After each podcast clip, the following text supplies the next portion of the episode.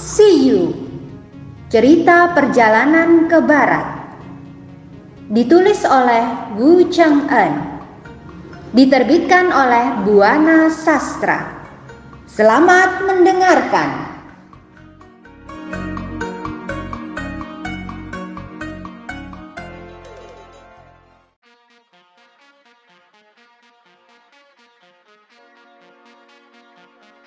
Bab 55 Biksu Tang dan Zubaji salah minum jadi hamil.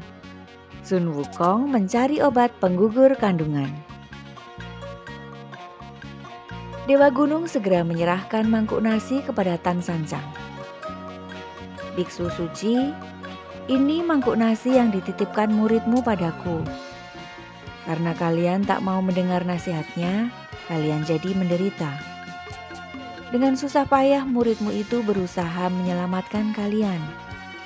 Aku harap lain kali kau menghargai baktinya, kata Dewa Gunung. Dan Sancang terharu bercampur malu ketika mendengar nasihat Dewa Gunung itu. Kini ia sadar akan kesalahannya. Dia benar. Wukong, aku telah menyanyiakan nasihatmu jika saja aku tidak keluar dari lingkaran yang kau buat, tentu aku tak akan jatuh ke tangan siluman, kata Tan Sanjang. Sun Wukong terharu mendengar pengakuan gurunya. Sudahlah guru, yang telah terjadi jangan diingat lagi, ucapnya. Sekarang lebih baik kita makan. Namun tiba-tiba ia menoleh dan menegur Baji. Semua ini gara-gara kamu. Kenapa lidahmu yang jahat itu menghasut guru sehingga ia harus menderita? Sudahlah, jangan ribut dengan saudaramu. Mulai detik ini, aku berjanji akan berhati-hati dan mendengar nasihatmu, kata Sancang. Lalu mereka pun menikmati nasi yang diserahkan Dewa Gunung. Selesai makan, mangkuk itu disimpannya. Ayo berangkat, seru Wukong kemudian. Setelah Tan Sanzang pamit pada Dewa Gunung, Baji membantu gurunya menaiki kudanya. Tak lama kemudian, mereka pun sampai di jalan raya. Perjalanan dilanjutkan dengan perasaan gembira. Karena itu, tanpa terasa mereka mulai memasuki musim semi.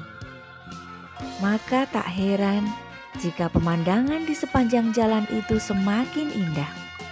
Burung-burung terbang sambil berkicauan. Di mana-mana pepohonan bersemi dengan daunnya yang hijau. Suatu hari, sampailah rombongan Tan Sancang di suatu tempat. Tak jauh dari Tan Sancang berhenti, terdapat sebuah sungai kecil yang jernih airnya. Di sekitarnya, mereka melihat ada perkampungan penduduk. Muridku, lihatlah, di sana ada rumah. Barangkali kita bisa meminta bantuan mereka untuk menyeberang, kata Sanjang. Ya, aku pun berpikir begitu. Tapi dari tadi aku tak melihat ada tukang perahu, kata Wukong. Subaji menurunkan buntalannya. Kemudian memandang ke seberang sungai sambil memanggil-manggil dengan suara keras. Tukang perahu, tukang perahu, kemarilah, kami ingin menyeberang, teriaknya. Tak lama, tampak sebuah perahu mendatangi dari seberang. Perahu itu didayung oleh orang yang sudah tua. Silahkan, kata si tukang perahu. Tan Sanjang mengamati si tukang perahu. Ia agak terkejut ketika dilihatnya tukang perahu itu seorang perempuan tua. Apa kau bersedia menyeberangkan kami? Tanya Wukong. Baiklah, akan kuseberangkan kalian, jawabnya. Mana suamimu? Si tukang perahu itu tidak menjawab, ia hanya tertawa. Kemudian ia memasang papan injakan agar Tan Sanjang dan muridnya naik ke perahu. Xiao Wujing yang naik ke perahu lebih dulu segera membawa buntalan mereka. Kemudian Wukong juga naik sambil memegangi gurunya. Subaji naik paling belakang sambil menuntun Baima, si kuda putih. Setelah semua penumpang naik ke perahu, perempuan tua itu segera mengangkat papan injakan. Ia pun mulai mendayung perahunya. Sampai di seberang, Tan Sancang menyuruh muridnya membayar si tukang perahu. Beruntung si tukang perahu ternyata tidak bertingkah. Ia menerima berapapun bayarannya. Lalu sambil tertawa, ia kembali ke gubuknya yang ada di tepi sungai. Melihat air yang begitu jernih, Tan Sancang merasa haus. Baji, tolong ambilkan mangkuk. Aku ingin minum, kata Tan Sancang. Baik guru, aku juga haus, kata Baji. Setelah si babi mengambil mangkuk, ia segera menyidu air sungai yang jernih itu. Kemudian, mangkuk berisi air itu ia serahkan kepada gurunya. Setelah Sanjang menegak air itu, sisanya Baji yang menghabiskan. Ah, nikmatnya, kata si babi. Wukong dan Wujing yang tidak merasa haus tidak ikut meminum air sungai itu. Selesai gurunya minum, Sun Wukong segera membantu gurunya naik kuda, lalu melanjutkan perjalanan. Namun belum jauh mereka berjalan, Sanjang terdengar mengeluh. Aduh, perutku sakit sekali, kata Sancang. Ah, perutku juga sakit, kata si babi. Keduanya terus memegangi perut mereka yang makin lama makin terasa sakit. Bahkan, kini perut mereka berubah. Makin lama makin membesar. Tak ubahnya seperti perempuan yang sedang hamil. Sancang dan Baji bertambah cemas Bagaimana ini Wukong? Tanya Sanjang. Sabar guru, di sana kulihat ada sebuah rumah. Siapa tahu itu sebuah rumah makan. Mungkin di sana kita bisa meminta air hangat supaya rasa sakit guru berkurang, kata Wukong. Mendengar ucapan Wukong, hati Sansang agak lega. Mereka segera melanjutkan perjalanan sekalipun Tan Sancang dan Baji merasakan perutnya makin sakit saja. Tak lama, rombongan ini telah sampai di depan rumah itu. Dengan bantuan Sun Wukong, turunlah Tan Sancang dari kudanya. Di sana terlihat seorang perempuan tua yang sedang asik menenun. Kemudian, Wukong memperkenalkan diri mereka kepada perempuan itu ia menerangkan bahwa Baji dan gurunya sakit perut setelah meminum air sungai yang mereka lewati. Mendengar keterangan itu, si perempuan tertawa terbahak-bahak. "Di mana kalian minum air itu?" tanya si nenek. "Di sungai yang letaknya di sebelah timur sana," kata Wukong. "Sungguh lucu, sungguh lucu," seru si nenek. Mari silahkan masuk, nanti akan kujelaskan semua. Perempuan itu menyilakan tamu-tamunya masuk. Sun Wukong terpaksa kembali memapah gurunya dan Xia Wujing memapah Subazi yang perutnya makin membesar. Wajah mereka tampak murung dan berkerut.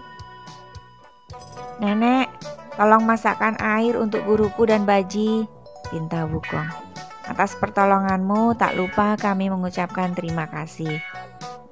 Namun si nenek masih menertawakan Sancang dan Baji yang perutnya makin gendut. Karena merasa dipermainkan, lama-lama Sun Wukong kesal. Kurasa kita tidak perlu air hangat, kata si nenek. Lalu ia memanggil perempuan lain dari dalam rumah. Tak lama kemudian, muncul perempuan-perempuan setengah tua mereka melihat kondisi Subasi dan Tan Sancang, semuanya tertawa. Sun Wukong bertambah marah karena merasa terus dipermainkan. Dengan lantang ia membentak. Mendengar bentakan Sun Wukong, perempuan-perempuan tua itu kaget. Kemudian mereka berlarian ke belakang tak terkecuali si nenek yang sedang menenun. Belum sempat lari, dengan cepat Sun Wukong menarik bajunya. Jangan coba-coba lari kalau kamu mau selamat. Sekarang cepat masakkan air untuk guruku, seru Wukong. Oh, ampuni aku, ratap wanita tua itu dengan tubuh gemetar. Kau pasti akan kuampuni asal mau menuruti permintaanku, kata Wukong. Tapi percuma saja guru, air hangat takkan bisa menolong atau menghilangkan rasa sakit gurumu. Baiklah, sekarang akan kuberi penjelasan, kata si nenek. Sun Wukong segera melepaskan genggamannya. Kau tentu belum tahu bahwa tempat ini seluruh penduduknya perempuan. Negeri ini bernama Ciliang, kata perempuan tua itu menjelaskan. Tan Sancang dan murid-muridnya terheran-heran. Air yang gurumu minum itu bukan air sembarangan. Air itu berasal dari sungai ibu anak yang artinya sungai anak dan ibu. Di luar ibu kota, terdapat pemberhentian yang diberi nama pos penyambutan laki-laki. Di tempat itu ada sumber air bernama sumber air kehamilan atau sumber air tempat melihat kehamilan. Kebiasaan penduduk di negeri ini, apabila sudah berusia 20 tahun, mereka baru berani meminum air di sungai yang gurumu minum. Nanti setelah meminum air sungai itu, dia akan hamil. Kemudian setelah tiga hari, mereka ke, ke sumber air kehamilan untuk memeriksakan perutnya yang gendut. Jika di sumber air itu bayangannya ada dua, dia pasti akan melahirkan anak. Jadi, percuma saja gurumu meminum air hangat, sebab guru dan saudaramu itu sedang hamil, terang si nenek. Mendengar penjelasan si nenek, Tan Sanjang dan Baji terkejut. Dalam sekejap, wajah mereka pucat pasi dan amat ketakutan. Oh, muridku, bagaimana ini? Tanya Sancang kebingungan celaka. Aku ini kan lelaki. Bagaimana anak itu bisa lahir? Kata Baji yang mulai gemetaran. Melihat tingkah si babi, Sun Wukong tertawa. Jangan cemas, kalau sudah waktunya pasti ada jalan. Bayi itu pasti akan lahir dengan selamat. Ejek Wukong. Walaupun Subaji merasa kesal, ia tidak mau meladeni kakaknya. Jika sakitnya begini berat, lebih baik aku mati saja, kata Baji dengan kesal. Kak Baji, sebaiknya jangan banyak bergerak agar kau tidak keguguran, kata Wujing yang juga tidak bisa menahan tawanya. Subaji yang merasa takut dan cemas menangis sambil menarik tangan Sun Wukong. Oh kakak, tolonglah aku. Tolong tanyakan pada si nenek di mana ada dukun beranak. Mungkin kita bisa membuat perjanjian sebelum anak yang ada di perutku ini lahir. Sakitnya, mungkin inikah saatnya aku akan melahirkan. Keluh Baji. Kak Baji, tenanglah.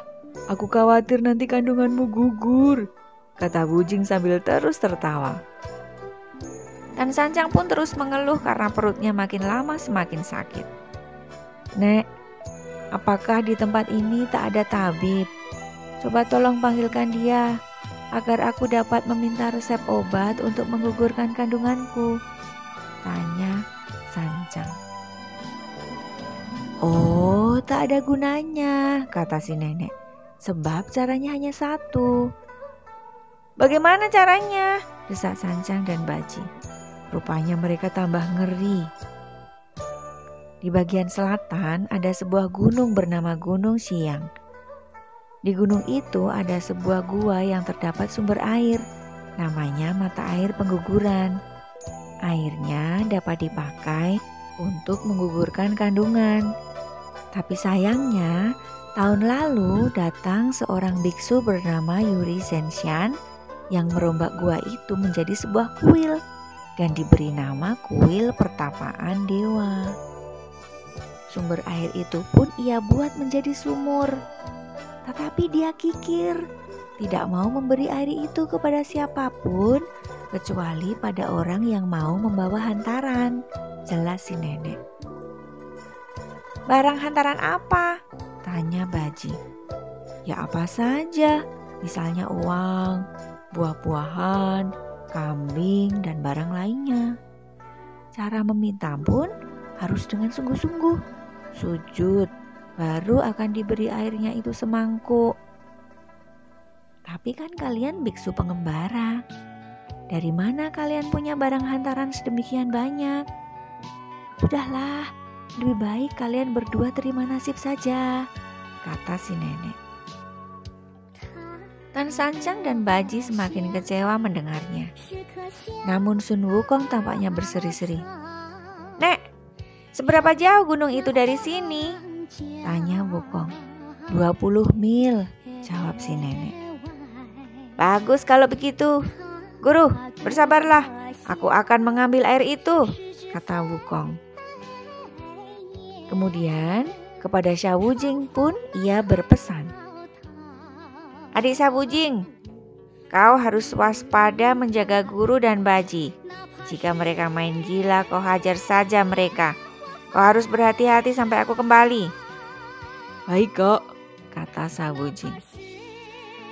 Si nenek segera menyediakan sebuah panci untuk tempat air, lalu menyerahkannya kepada Sun Wukong. Kau boleh menggunakan panci ini. Kau pun boleh mengambil air itu sebanyak-banyaknya. Mungkin aku akan memerlukannya kelak, katanya. Setelah Sun Wukong setuju, ia segera berangkat. Ia terbang ke arah selatan. Menyaksikan Sun Wukong bisa terbang, si nenek terkejut. Hah? Si biksu itu bisa terbang? Seru si nenek. Kemudian ia kembali ke dalam rumah lalu memberi hormat pada Tan Sancang dan muridnya. Kemudian para perempuan itu jadi sibuk menanak nasi dan menjerang air untuk tamu-tamunya ini. Tampaknya mereka girang sekali karena selama ini negeri mereka tak pernah didatangi kaum laki-laki. Sun Wukong yang sedang pergi mencari air obat akhirnya sampai di atas gunung yang dikatakan si nenek. Setibanya di sana, ia segera mengamati sekelilingnya.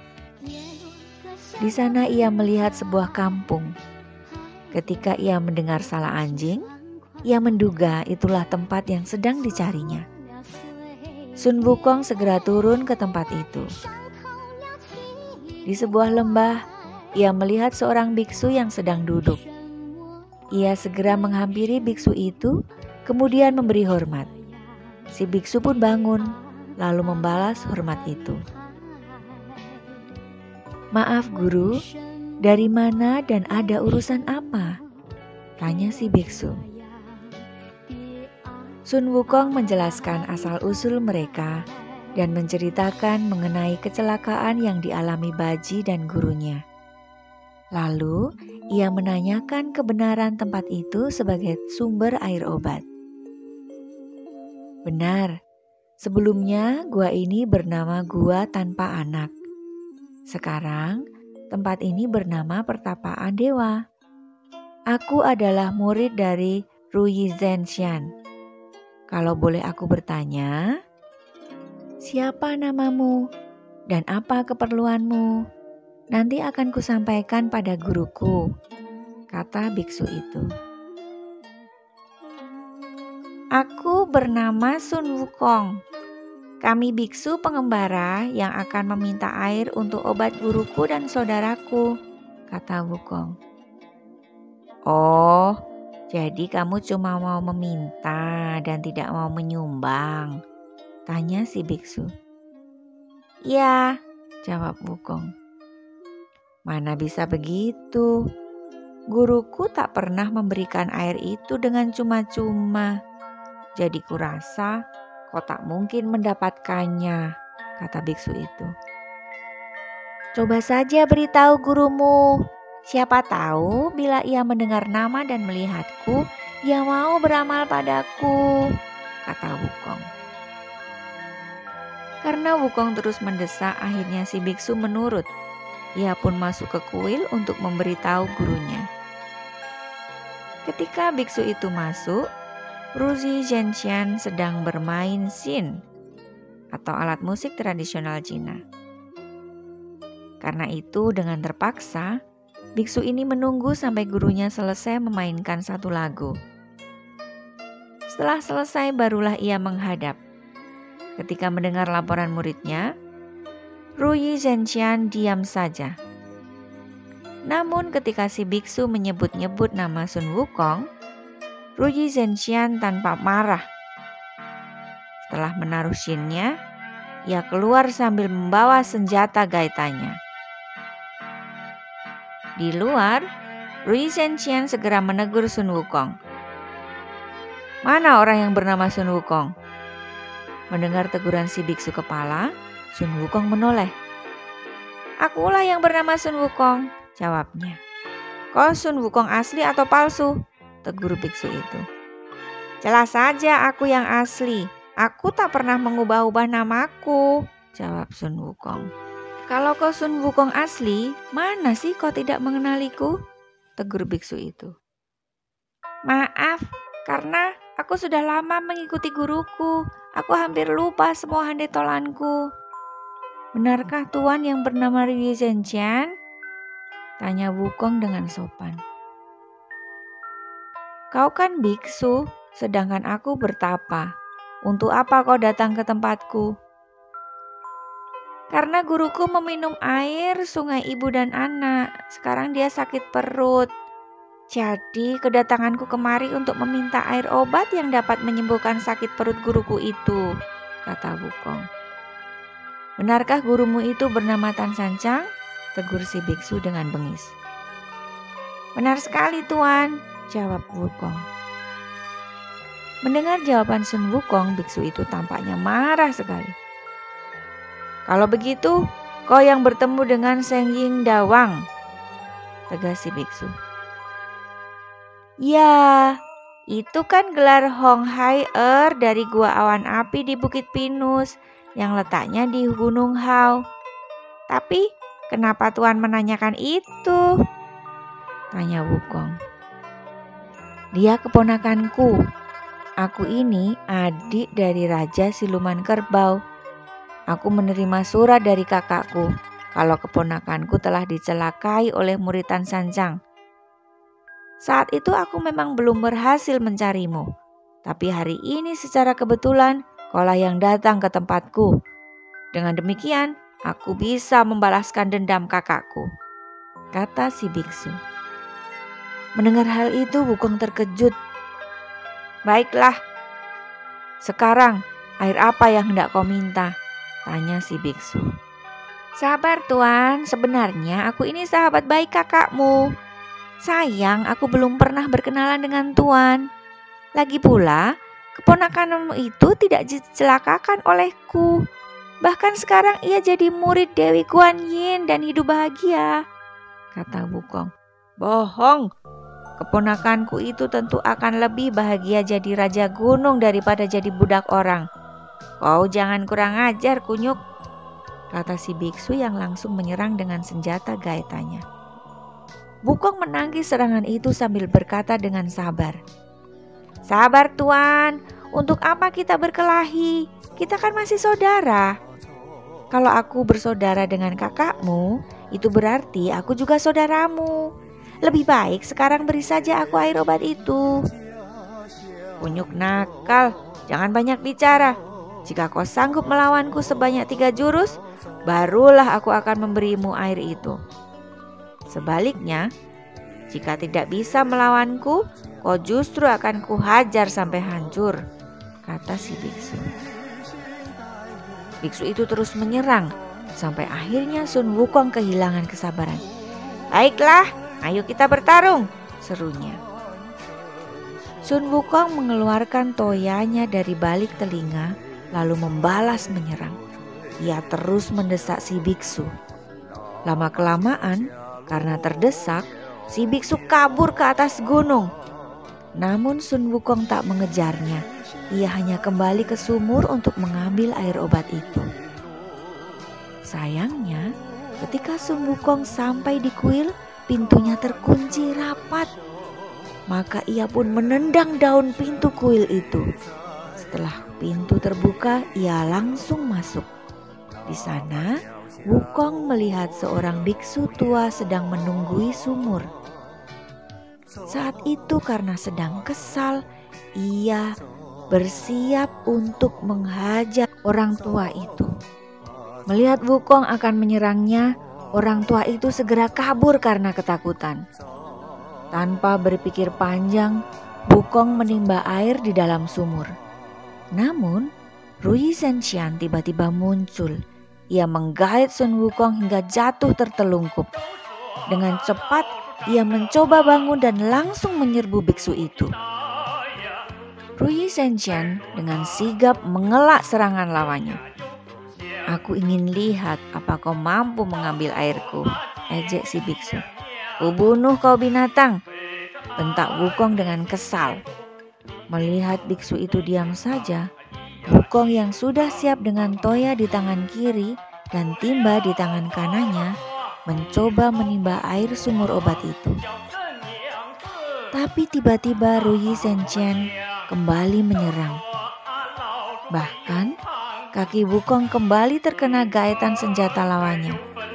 Tak ampun lagi, ia pun terjatuh kembali. Timba dan tambangnya meluncur masuk ke sumur. Kurang ajar, seru Wukong. Ruri Senchian lari. Sun Wukong tetap tak mau mengejarnya. Ia kembali ke sumur, hendak mengambil air. Namun kini ia kebingungan karena timbanya tak ada. Selain itu, ia pun khawatir kalau si biksu akan kembali mengganggu dan menyerangnya secara diam-diam. Nah, kalau begitu, aku harus punya teman untuk membantuku.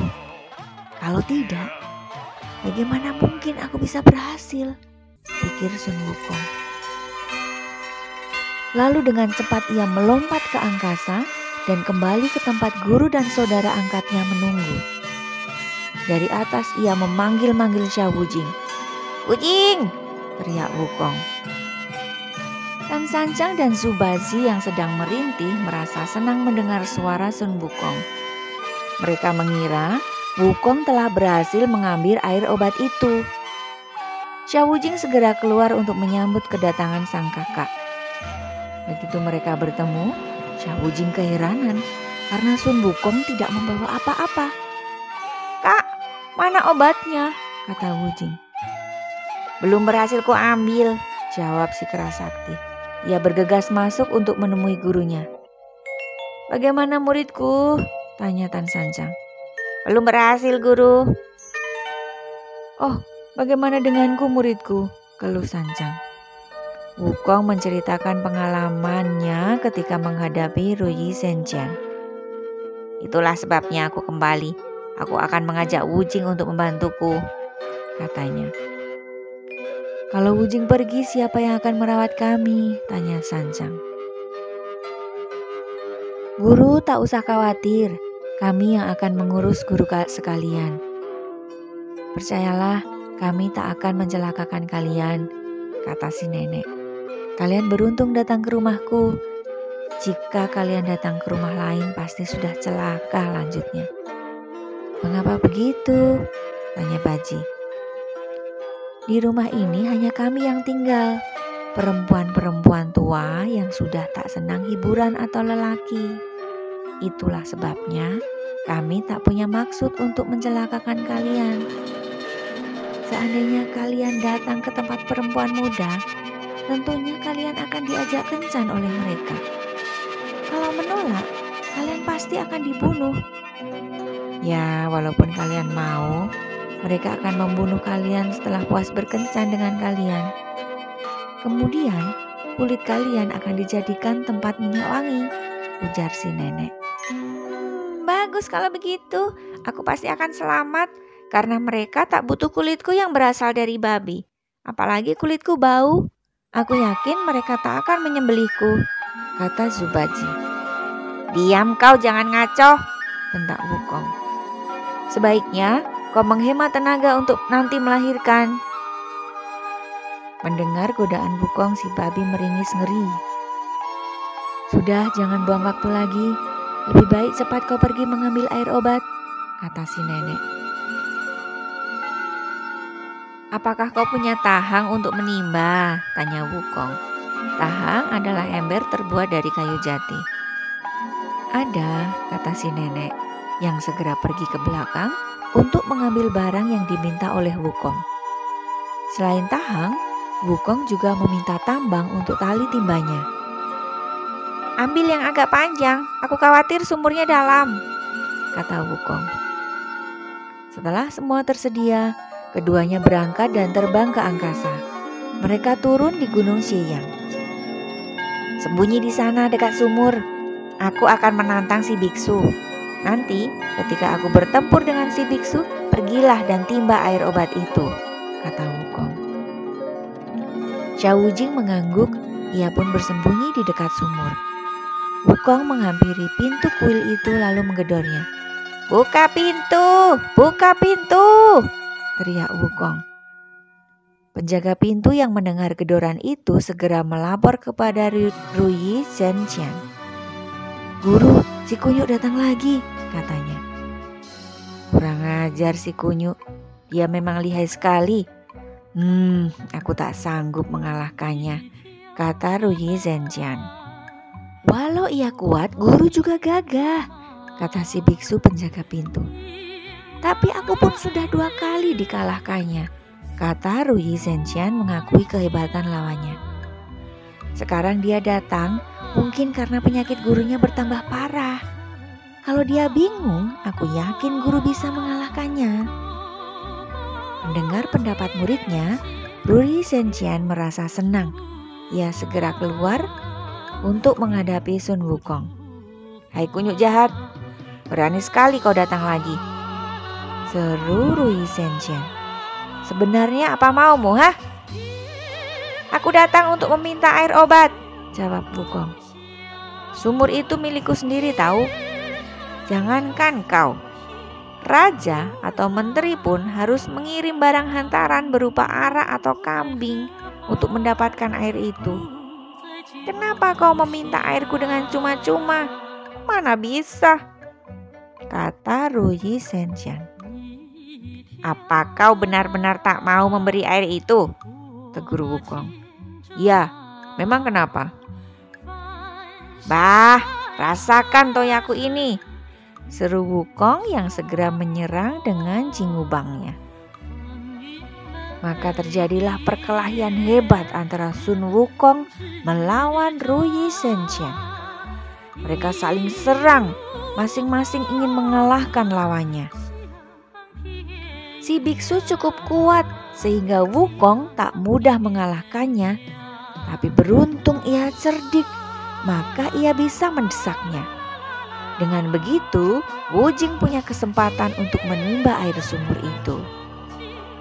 Ketika melihat ada kesempatan, Wujing segera membawa timbanya. Namun di depan sumur, ia dihadang oleh satu murid biksu Ruyi Zhenjian. Siapa kau? Berani benar kau mengambil air milik kami, tegur biksu itu. Wujing meletakkan ember kayunya lalu menyerang si biksu. Tak menduga akan diserang, tangan si biksu terserang sampai patah. Ia menjerit kesakitan. Seharusnya kau kubunuh, tapi untuk kali ini kau kuberi ampun. Sekarang pergi dari sini. Bentak Sawujing. Sambil menahan sakit, biksu itu pun pergi. Sawujing kembali mengambil timbanya, lalu ia menurunkan ke dalam sumur. Setelah timba itu penuh, ia pun mengangkatnya. Lalu ia berlari keluar kuil, melompat ke angkasa dan kabur. Kakak, aku berhasil. Sekarang tolong ampuni biksu itu. Ayo kita pulang. Ajak Sawujing. Seharusnya kau kubunuh. Karena kau saudara siluman kerbau yang kuhormati, kau kuampuni. Apalagi kau pun tidak jahat. Sekarang terpaksa aku gunakan akal untuk memancingmu agar adikku berhasil mengambil air obat itu. Sebenarnya membunuhmu itu mudah, tapi aku tak mau melakukannya. Ingat, Untuk selanjutnya, kuharap kalau ada yang minta obat kau tidak pelit, kata Wukong. Ucapan Wukong membuat Ruyi Shenxian marah bukan main. Ia kembali menyerang Wukong. Namun serangan itu bisa dihindari. Kemudian dengan sekuat tenaga, Sun Wukong segera membalasnya. Ia mendesak Ruyi Shenxian. Dengan gesit Wukong merampas senjata itu, lalu ia patahkan senjata itu menjadi empat bagian dan membuangnya ke tanah. Kurang ajar kau binatang, seru Ruyi Senshan. Ia benar-benar dongkol, tubuhnya gemetar menahan marah. Sun Wukong tertawa lalu pergi meninggalkan lawannya untuk menyusul Xia Wujing yang sudah kabur terlebih dahulu. Dengan gembira, keduanya segera pulang ke tempat guru mereka menginap. Di depan rumah si nenek, Subaji duduk sambil merintih kesakitan.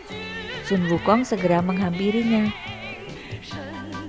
Hai tolol, jam berapa kau akan melahirkan? Tegur Wukong sambil tertawa. Ah, jangan ganggu aku kak, mana air obatnya? Kata Baji. Ini air obatnya, kata Sawujing sambil tertawa. Sanjang senang sekali mendengar Sun Wukong dan Sawujing berhasil mengambil air obat. Dengan cepat ia menghampiri kedua muridnya. Oh muridku, aku hanya membuat kalian susah saja, kata Tang Sanjang sambil memberi hormat. Sun Wukong dan Shawujing cepat-cepat mencegah gurunya memberi hormat. Tak lama, Nyonya rumah pun muncul dengan gembira. Ia lalu mengambil cangkir, kemudian menyendok air itu dari tempat yang diserahkan oleh Shawujing. Guru silahkan minum. Setelah kau minum air ini, kandunganmu akan gugur dengan sendirinya, kata si nenek. Baji yang sudah tak sabar berkata, Aku tak perlu menggunakan cangkir biar ku teguk saja dari timbanya. Jangan, sergah si nenek. Kenapa? Kalau kau minum sebanyak itu, tak hanya kandunganmu yang gugur, tapi isi perutmu pun akan hancur, ucap si nenek. Mendengar itu, Baji terkejut, maka terpaksa ia menunggu cangkir yang sedang dipakai gurunya. Tak lama, Tang Sanjang dan Subaji merintih kembali. Perut mereka seperti melintir dan sakit luar biasa. Subaji yang tak bisa menahan sakit sampai ngompol dan buang air. Tan Sanjang pun tak tahan, minta diantar ke jamban. Si nenek segera menyiapkan tahang untuk kotoran. Baji dan Tan Sanjang mulai buang hajat. Ternyata Hajat mereka selain kotoran juga disertai gumpalan daging dan darah. Itu berarti bayi yang ada di dalam kandungan telah hancur. Kemudian si nenek memasak bubur untuk tamu-tamunya. Ketika ia akan menyediakan obat untuk mereka, Subaji berkata, Tak usah, Nek. Sediakan saja air hangat, aku mau mandi. Setelah itu barulah aku makan bubur. Si nenek pun memasak air untuk Baji dan gurunya mandi. Setelah itu, barulah mereka makan bubur. Tang Sanjang hanya menghabiskan dua mangkuk bubur, sedangkan Baji menghabiskan belasan mangkuk. Eh, rakus, jangan keterlaluan. Kalau kau makan terlalu banyak nanti makin gendut, kata Wukong. Tak apa, aku kan bukan babi perempuan, biar gendut pun tak jadi masalah, kata si babi dengan riang. Baji, apa kau masih mau minum lagi? Tanya Wukong. Perutku sudah tak sakit, kandunganku juga sudah gugur. Jadi untuk apa? Jawab Baji. Kalau begitu, air itu akan kuberikan pada si nenek, kata Wukong. Oh, terima kasih banyak, kata si nenek. Malam itu mereka bermalam di rumah si nenek. Esoknya, pagi-pagi sekali mereka sudah makan dan bersiap untuk melanjutkan perjalanan. Setelah mengucapkan terima kasih, Tan Sancang dan muridnya pamit. Seperti biasa, Sun Wukong berjalan di muka, Subaji menuntun kuda gurunya, Tan Sancang duduk di atas kuda putih dan Xiao Wujing memanggul buntalan pakaian mereka.